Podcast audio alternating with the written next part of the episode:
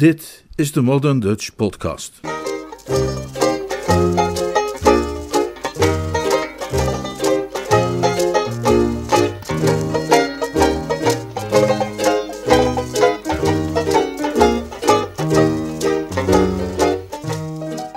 Het meisje in de taxi. Een roman van P.G. Woodhouse. Vertaald en voorgelezen door Leonard Beuger.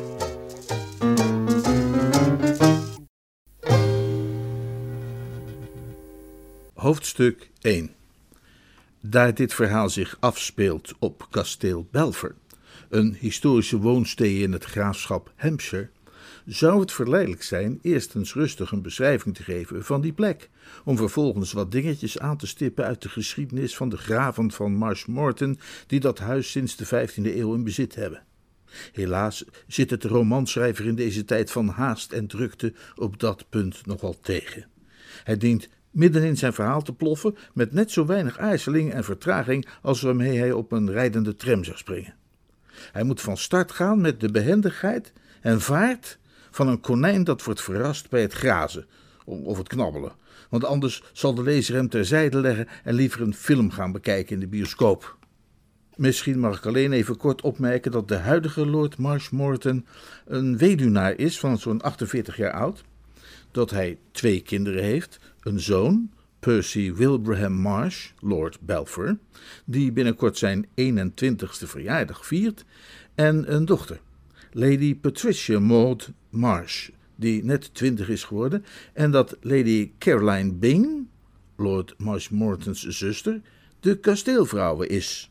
Lady Caroline was een paar jaar voor zijn overlijden getrouwd met de steenrijke mijneigenaar Clifford Bing, wiens dood zij volgens sommige onheuse lieden niet weinig heeft verhaast, en ze heeft uit dat huwelijk een stiefzoon, Reginald. Als ik die paar feiten even zou mogen noemen, dan zal ik het daar verder bij laten. Het roemrijke verleden van de Marshmortons zal ik zelfs niet aanstippen. Gelukkig is dat voor de literatuur geen onherstelbaar verlies.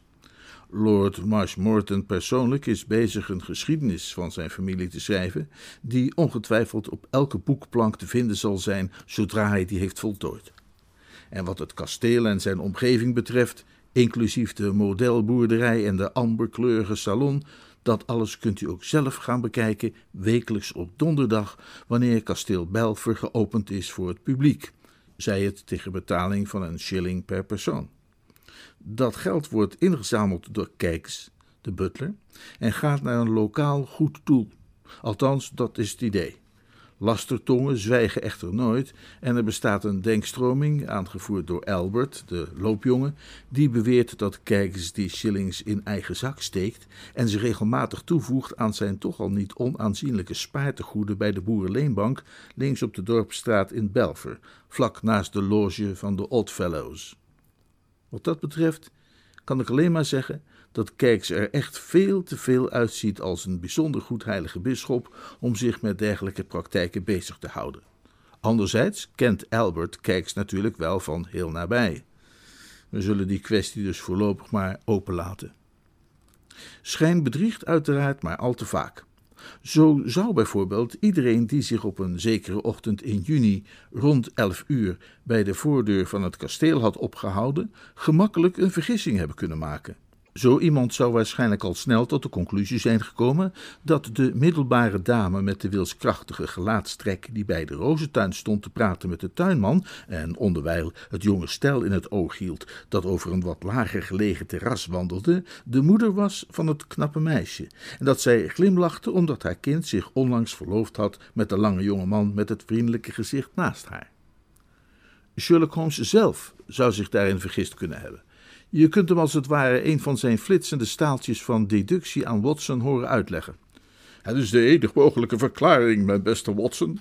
Wanneer die dame enkel de tuinman een compliment gaf voor zijn fraaie rozentuin, en zij zuiver en alleen glimlachte vanwege de plezierige aanblik van het rosarium, dan zou die tuinman in antwoord daarop ook een glimlach op zijn gezicht dragen. Maar, zoals u kunt zien, kijkt hij juist nors en somber. In feite was die tuinman, dat is te zeggen, die gedrongen man in hemdsmouwen met zijn gebruinde gezicht en zijn ribbeltjesbroek, die daar fronsend in een gieter met een afkooksel van walvisstraan stond te turen, de graaf van Marshmoreton persoonlijk. En waren er twee redenen voor zijn somberheid. Hij had er een gruwelijke hekel aan om gestoord te worden als hij bezig was in de tuin, en bovendien werkte Lady Caroline Bing altijd al verschrikkelijk op zijn zenuwen, en wel speciaal wanneer ze, zoals nu, speculeerde over de mogelijkheid van een romance tussen haar stiefzoon Reggie en zijn eigen dochter Maud. Alleen zijn intimie zouden in deze wonderlijke figuur met zijn pilobroek de zevende graaf van Marshmoreton hebben herkend. De Lord Marshmoreton, die zo nu en dan Londen bezocht en daar zonder enig commentaar te verwekken de lunch gebruikte te midden van bisschoppen in de Athenaeum Club, was een correct geklede heer die niemand ervan zou hebben verdacht zijn stevige benen ooit in iets anders te hullen dan de fijnste stof. Maar als u uw exemplaar van Wie is Wie eens opslaat en zoekt onder de letter M, dan vindt u daar in het lemma gewijd aan de graaf onder het kopje liefhebberijen tuinieren waaraan zijn edelheid in een vlaag van bescheiden trots heeft doen toevoegen, ontving de eerste prijs voor hybride theerozen op de Koninklijke Bloemententoonstelling in Temple Gardens in 1911. Uh, die woorden spreken voor zichzelf. Lord Marshmoreton was de meest enthousiaste amateurtuinder in een land vol amateurtuinders. Hij leefde eenvoudig voor zijn tuin. De liefde die andere mensen koesteren voor hun vrienden en verwanten, besteedde hij aan rozen, zaadgoed en tuinaarde. En de haat die sommigen van zijn stand voelden tegenover socialisten en demagogen, bewaarde hij voor slakken en torren die het op zijn rozen gemunt hadden. En vooral dat kleine geel-witte beestje met een dusdanig verdorven en sinistere persoonlijkheid dat het onder een schuilnaam door het leven gaat, dan weer trips, dan weer onweersbeestje genaamd. Hij was een simpele ziel, Lord Marshmoreton, maar een aangenaam en zachtmoedig mens.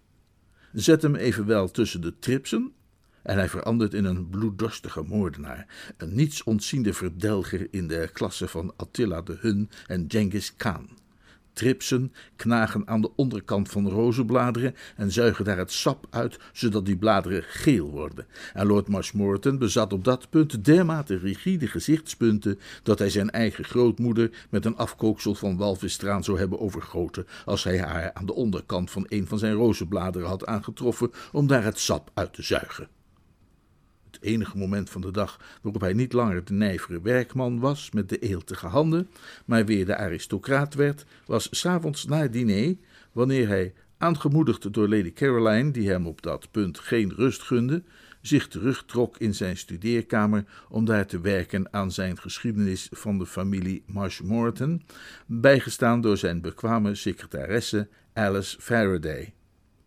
De voortgang die hij maakte bij dat gigantische werk was evenwel gering.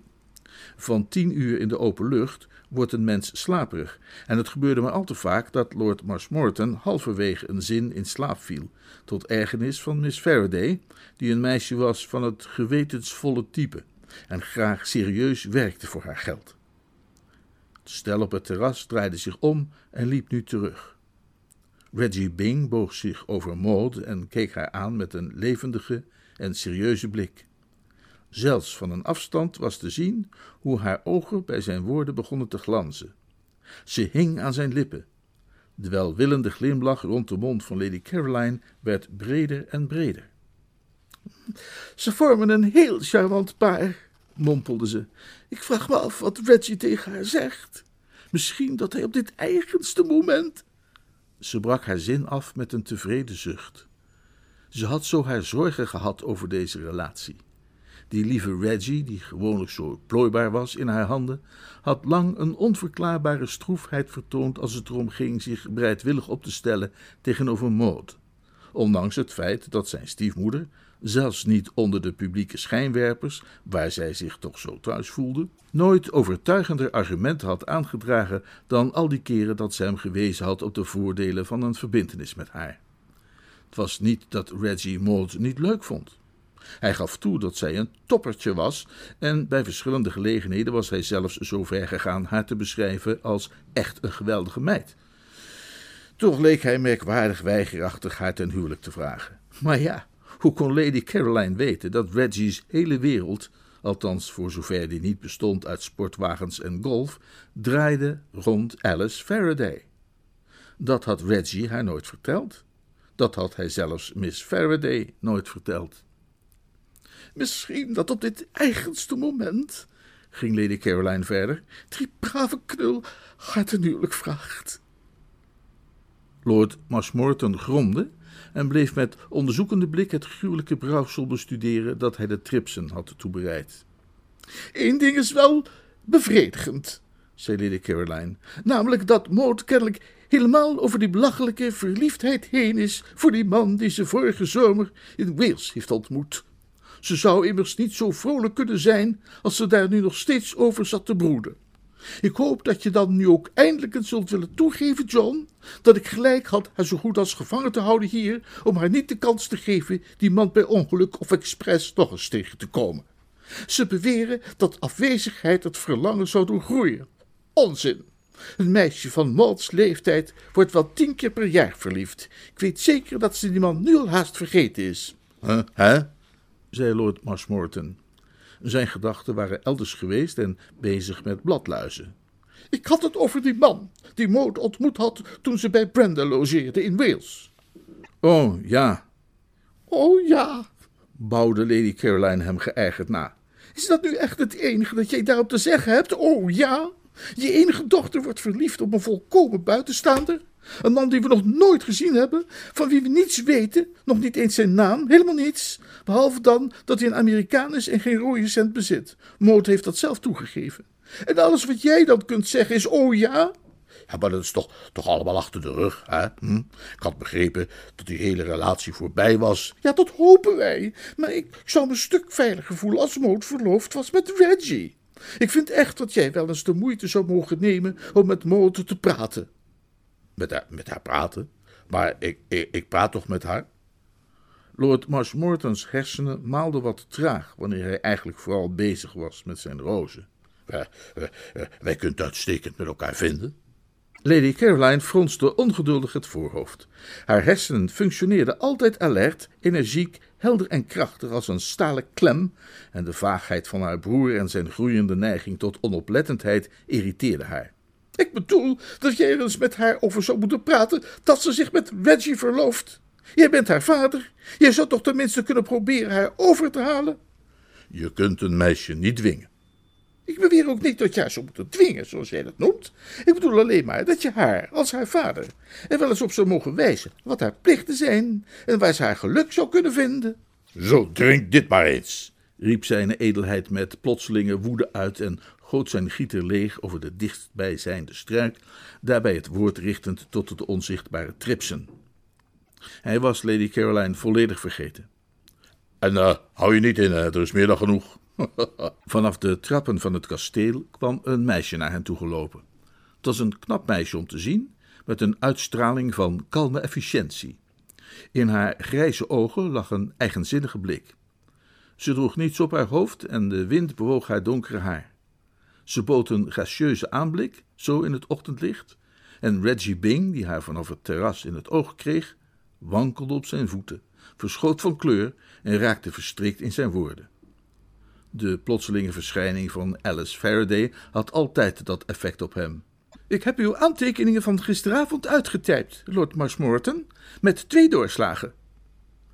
Alice Faraday sprak met kalme, respectvolle stem, waarin echter subtiel haar zelfverzekerdheid doorklonk. Zij was een meisje met een sterk karakter. Werkgevers bij wie zij eerder als secretaresse in dienst was geweest, hadden haar een waar juweel gevonden. Voor Lord Marshmoreton begon zij snel een nachtmerrie te worden. Hun beide gezichtspunten met betrekking tot het belang van tuinieren enerzijds en het schrijven van familiegeschiedenissen anderzijds vielen niet samen. Voor hem was het schrijven van de geschiedenis van de familie Marshmoreton een bezigheid voor de verloren uurtjes, terwijl zij meende dat hij die taak als zijn levenswerk zou moeten beschouwen. Telkens weer probeerde zij hem de tuin uit te sleuren en aan het werk te zetten met wat hij vond dat niet meer dan een klusje voor na het eten zou moeten zijn. Het was Lord Marshmoreton's gewoonte om, wanneer hij te laat wakker werd na een van zijn dutjes om nog aan de slag te gaan, de vage belofte te uiten dat hij daar morgen nog wel eens even naar zou kijken. Maar, zo overwoog hij bitter, dat meisje zou toch voldoende tact en gezond verstand moeten bezitten om te begrijpen dat zulks niet meer was dan een beleefde uitvlucht en niet letterlijk genomen diende te worden. Het zijn nog maar heel ruwe aantekeningen, ging Alice verder, waarbij ze haar woorden richtte tot het zitvlak van de grafelijke pilobroek. Lord Marshmoreton nam altijd een gebukte houding aan wanneer hij Miss Faraday zag naderen met paperassen in haar hand, want hij verkeerde onder de tragische misvatting, hoe vaak die ook was gelogenstraft, dat wanneer ze zijn gezicht niet zag, zij zich wel zou terugtrekken. Zoals u zich vast wel herinnert, heeft u gisteravond beloofd er vanmorgen nog wel even naar te zullen kijken. Ze zweeg lang genoeg om een ongedetermineerd gegrom bij wijze van antwoord te krijgen. Maar natuurlijk, wanneer u bezig bent, zei ze onverstoorbaar, met een halve blik richting Lady Caroline. Op die krachtdadige vrouw kon ze altijd rekenen als bondgenoot bij dit soort kleine meningsverschillen. Maar volstrekt niet, zei Lady Caroline venijnig. Ze was nog nijdig vanwege het gebrek aan aandacht dat aan haar jongste opmerkingen was geschonken en verwelkomde de gelegenheid om daar een afstraffing voor toe te dienen. Kom onmiddellijk overeind, John. Ga naar binnen en aan het werk. Ik, ik ben aan het werk, mopperde Lord Marshmoreton. Ondanks zijn 48 jaar kon zijn zus Caroline hem bij gelegenheid zich nog altijd laten voelen als kleine jongen. Ze was een waar despoot geweest in de dagen dat zij de kinderkamer deelde. De familiegeschiedenis is een stuk belangrijker dan dat gegraaf van jou in de grond. Ik kan niet begrijpen waarom je dat soort dingen trouwens niet overlaat aan Macpherson. Ik snap eenvoudig niet waarom jij die man vorstelijk betaalt en vervolgens zelf zijn werk voor hem doet. En dat terwijl je weet dat de uitgever op jouw familiegeschiedenis zit te wachten. Ga naar binnen en werk onmiddellijk die aantekeningen uit. U heeft beloofd dat u er vanmorgen naar zou kijken, Lord Marshmoreton, zei Alice uitnodigend. Lord Marshmoreton klemde zich aan zijn gieter met walvistraan vast als een drenkeling aan een reddingsboei. Niemand wist beter dan hij dat dit soort gesprekjes, speciaal als Caroline erbij aanwezig was om er het gewicht van haar dominerende persoonlijkheid aan te verbinden, altijd op dezelfde manier eindigde. Ja, ja, ja, ja zei hij. Uh, vanavond misschien, hè, na het diner. Oh, goed, hè? Ja, na het diner. Dat, dat lijkt me prima. Mij lijkt dat u daar beter nu, vanmorgen, aandacht aan kunt besteden, zei Alice met zachte aandrang. Het zat haar werkelijk dwars dat ze niet genoeg werk deed om haar royaal salaris te rechtvaardigen. En over de geschiedenis van de familie Marshmoreton was ze werkelijk enthousiast. Die bezat voor haar een ware glans. Lord Marshmoreton's vingers verslapten hun greep. Overal in de rozentuin zetten honderden van een wisse dood geredde tripsen hun ochtendmaal voort, zonder het gruwelijk lot dat hen bedreigd had zelfs maar te hebben gekend. Nou, goed dan, goed dan. Kom dan maar mee naar de bibliotheek. Uitstekend, Lord Marshmoreton. Miss Faraday wendde zich tot Lady Caroline. Uh, ik heb de treinen voor u opgezocht, Lady Caroline. De beste is die van 12 uur 15. Die heeft een restauratiewagen en stopt bij Belfer op verzoek. Ga je ergens naartoe, Caroline? informeerde Lord Marshmoreton hoopvol. Ik hou een korte voordracht voor de Liga van Sociale Vooruitgang in Lewisham. Ik ben morgen weer terug. Oh, zei Lord Marshmoreton en de hoop doofde weg uit zijn stem. Dank u, Miss Faraday, zei Lady Caroline. De trein van 12 uur 15 dus. De wagen staat om kwart voor twaalf voor u klaar. Dank u wel. Oh, tussen haakjes. Wilt u het voorbijgaan even tegen Reggie zeggen dat ik hem wil spreken? Moot was al bij Reggie weg toen Alice Faraday bij hem aankwam. De montere jonge man zat op een stenen bankje een sigaret te roken en onderhield zich daarbij met overwegingen waarin gedachten aan Alice om voorrang streden met ernstige bespiegelingen met betrekking tot de juiste houding bij een korte slag naar de green. Reggie had het mentaal gezien niet gemakkelijk de laatste tijd. Hij was verliefd en hij had een lelijke slice ontwikkeld bij zijn midijzers. Hij had last van een gekwelde ziel, kun je wel zeggen. Lady Caroline vroeg me om u te zeggen dat ze u graag even wilde spreken, Mr. Bing. Reggie sprong overeind. Hallo, hallo, hallo, hallo, hallo. Ah, ben je daar? Ik, bedoel maar, uh, hè? Wat? Hij ervoer zoals gewoonlijk in haar aanwezigheid een warm prikkelend gevoel in de onderrug. Tegelijkertijd leken zijn handen en voeten door een soort elefantiasis te worden getroffen, waardoor ze opzwollen tot enorme proporties. Hij wenste zielsdiep dat hij af kon komen van die reflex een hinnikend nerveus lachje te laten horen telkens wanneer hij het meisje van zijn dromen tegenkwam. Dat moest wel een heel verkeerde indruk van hem geven, haar doen denken dat hij een hopeloze kluns was en wat al niet. Lady Caroline vertrekt met de trein van 12 uur 15. Uh, geweldig. Uh, wat ik bedoel is. oh ja, zeg. ik begrijp wat je bedoelt. Hij voelde sterk de absolute behoefte om iets te zeggen dat althans een aanvaardbaar minimum aan samenhang vertoonde. Hij bundelde al zijn krachten. Zou je misschien zin hebben om straks, als ik mijn moeder gesproken heb, een eindje met me te gaan wandelen? Of wat te gaan roeien op de vijver? Of iets in die orde van grootte, weet je wel? Nee, dank u wel. Ik moet naar binnen om Lord Marshmoreton te gaan helpen met zijn boek. Wat verdomme. Ik bedoel, wat bijzonder jammer. Hij voelde zijn hart scheuren van medelijden. Hij gloeide van woede tegen Lord Marshmoreton, die Simon Legree van onze tijd, die zijn kapitalistische overmacht gebruikte om dit meisje tot slaaf te maken en haar binnenshuis te laten ploeteren, terwijl de hele wereld baadde in de zonneschijn. Zal ik naar hem toe gaan en vragen of dat uitgesteld kan worden, tot na het diner? Oh nee, dank u wel, maar ik weet zeker dat Lord Marshmoreton daar niets van zal willen weten. En met een vriendelijke glimlach liep ze door. Toen hij van het effect daarvan was bijgekomen, klauterde Reggie langzaam naar het hoger gelegen terras voor een gesprek met zijn stiefmoeder. Hallo moeder, alles goed met u en al die dingen meer? Hè? Waarover wilde u mij spreken? Kom op, Reggie, vertel me het nieuws. Hè? Wat? Het nieuws? Heeft u de krant gemist bij het ontbijt? Er stond trouwens niet veel in. Uh, Tam Duggan heeft op Prestwick Alec Fraser verslagen met drie holes en nog twee te gaan. Verder is me niets bijzonders opgevallen. Er is een nieuwe musical te zien in het Regal Theatre. Gisteravond was de première en het schijnt een topper te zijn. Er stond een spetterende recensie van in de Morning Post. Ik moet beslist van de week een keer naar de stad heen keutelen te gaan kijken. Lady Caroline fronste. Deze traagheid van begrip en dat zo direct na die verstrooidheid van haar broer maakte haar niet blij. Nee, nee, nee. Ik bedoel, jij en Maud hebben net een hele tijd met elkaar staan praten. En ze leek bijzonder geïnteresseerd in wat je zei. En ik hoopte dus dat jij misschien goed nieuws voor me had. Reggie's gezicht klaarde op.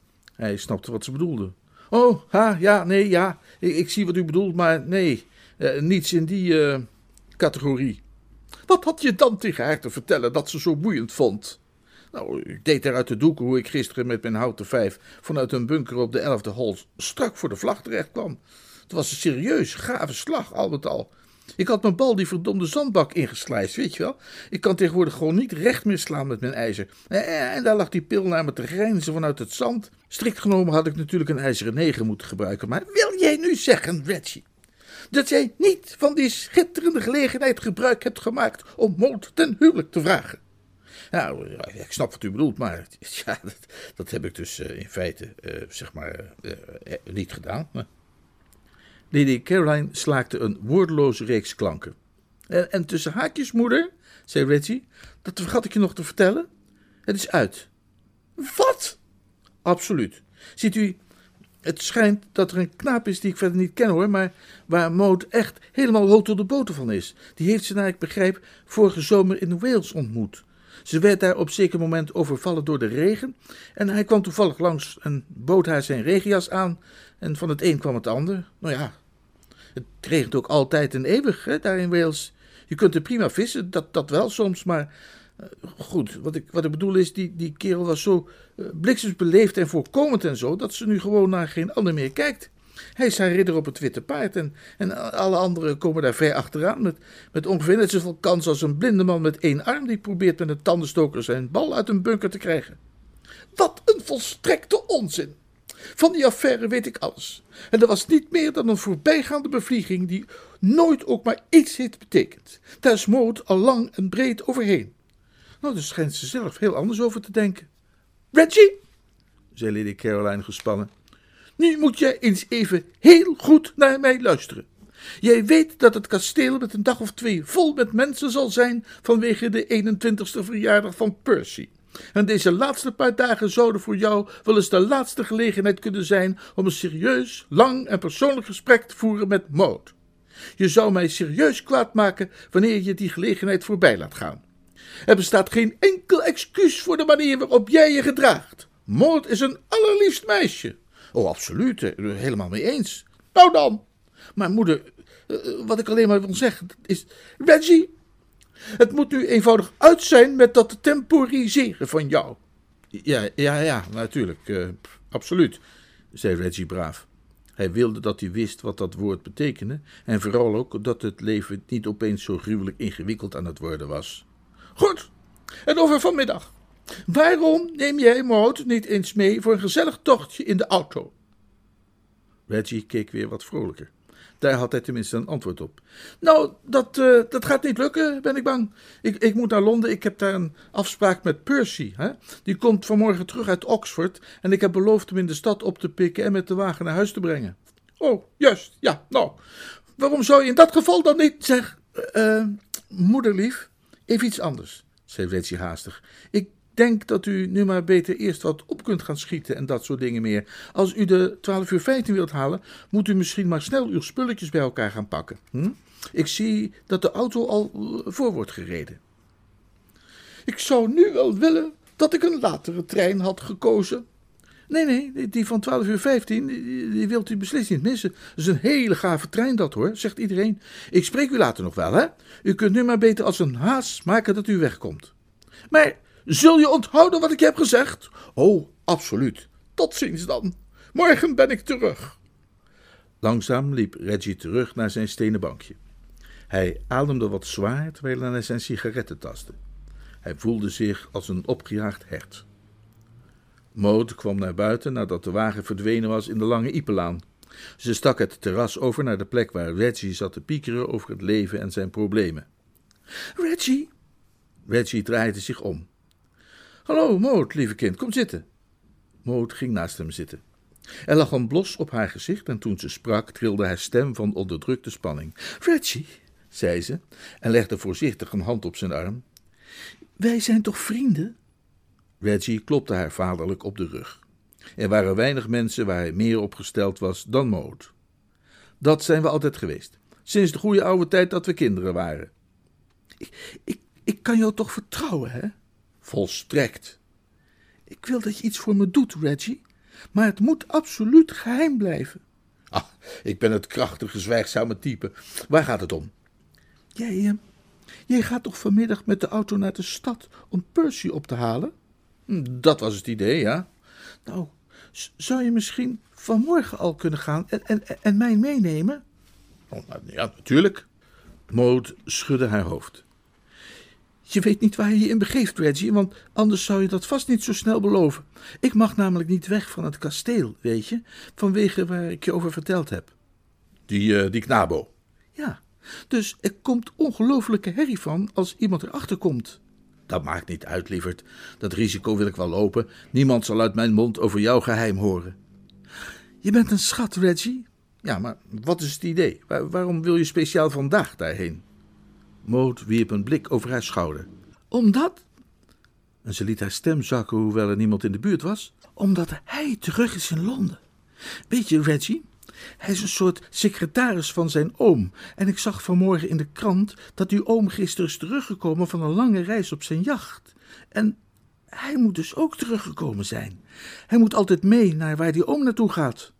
Zwaan kleef aan, mompelde Reggie. Sorry, ik, wil je niet in de reden vallen? Nee, ik, ik, moet hem zien, begrijp je? Ik heb hem sinds vorige zomer niet meer gezien. Bijna een heel jaar. En hij heeft me niet geschreven. En ik heb hem niet durven schrijven uit angst dat die brief verkeerd terecht zou komen. Dus ik moet gaan, begrijp je? Vandaag is mijn enige kans. Tante Caroline is weg en, en, en vader is bezig in zijn tuin en zal niet merken of ik er ben of niet. En bovendien, morgen is het te laat, want dan is Percy ook hier. En die was nog woedender over de hele kwestie dan wie ook. Ja, een beetje de hooghartige jonge aristocraat, onze Percy, stemde Reggie met haar in. Ik begrijp het helemaal. Zeg maar maar precies wat je wilt dat ik doe. Ik wil dat je me een paar honderd meter verderop langs de weg oppikt. En dan zet je me af ergens langs Piccadilly. Dat is dicht genoeg bij waar ik heen wil. Maar het belangrijkste gaat om Percy. Je moet hem overhalen om vanmiddag in Londen te blijven, daar te dineren en dan pas naar Belfort te gaan. Dan kan ik in de namiddag een trein terugnemen en heeft niemand in de gaten dat ik weg ben geweest. Nou ja, dat is simpel genoeg, toch? Beschouw het als geregeld. Hoe laat wil je vertrekken? Nu meteen. Dan uh, kuier ik naar de garage en haal de wagen. Reggie grinnikte geamuseerd. Grappig, mijn moeder had me juist opgedragen een eindje met je te gaan rijden. Je bent een echte schat, Reggie, werkelijk waar. Reggie gaf haar nog zo'n vaderlijk klopje op de rug. Ik weet hoe het is om verliefd te zijn, mijn beste meid. Zeg Maud, vertel eens, vind jij niet ook dat de liefde slecht is voor je slag? Ik bedoel, ga jij er ook niet bij slijzen, telkens precies als je de vlag aanvalt? Maud lachte. Nee, het heeft tot nog toe geen enkel effect gehad op mijn spel. Ik heb pas nog een rondje gedaan van 86. Reggie zuchtte jaloers. Vrouwen zijn toch eigenlijk geweldig, zei hij. Nou, ik ga dus even snel de wagen halen. Als je zover bent, loop dan een eindje langs de weg en wacht daar op me. Toen hij weg was, haalde Maud een klein krantenknipsel tevoorschijn. Dat had ze uit de Society-rubriek van de Morning Post van gisteren gehaald. Het omvatte maar weinig woorden. Mr. Wilbur Raymond is na een langdurige reis met zijn jacht de Sirene teruggekeerd naar zijn woning aan Belgrave Square, nummer 11a. Maud kende Mr. Wilbur Raymond niet, maar toch had dat enkele zinnetje het bloed doen tintelen in alle aderen van haar lichaam. Want zoals eh, Reggie had duidelijk gemaakt, wanneer de Wilbur Raymonds van deze wereld terugkeren naar hun woonadres in de grote stad, dan brengen zij met zich mee hun neef en secretaris Jeffrey Raymond. En Jeffrey Raymond was de man die Maud had liefgehad sinds die dag dat ze hem ontmoet had in Wales. I should hate you, but I guess I love you. You got me between the devil and the deep blue sea. You got me the devil and a deep, the devil and a deep, the devil and a deep blue sea.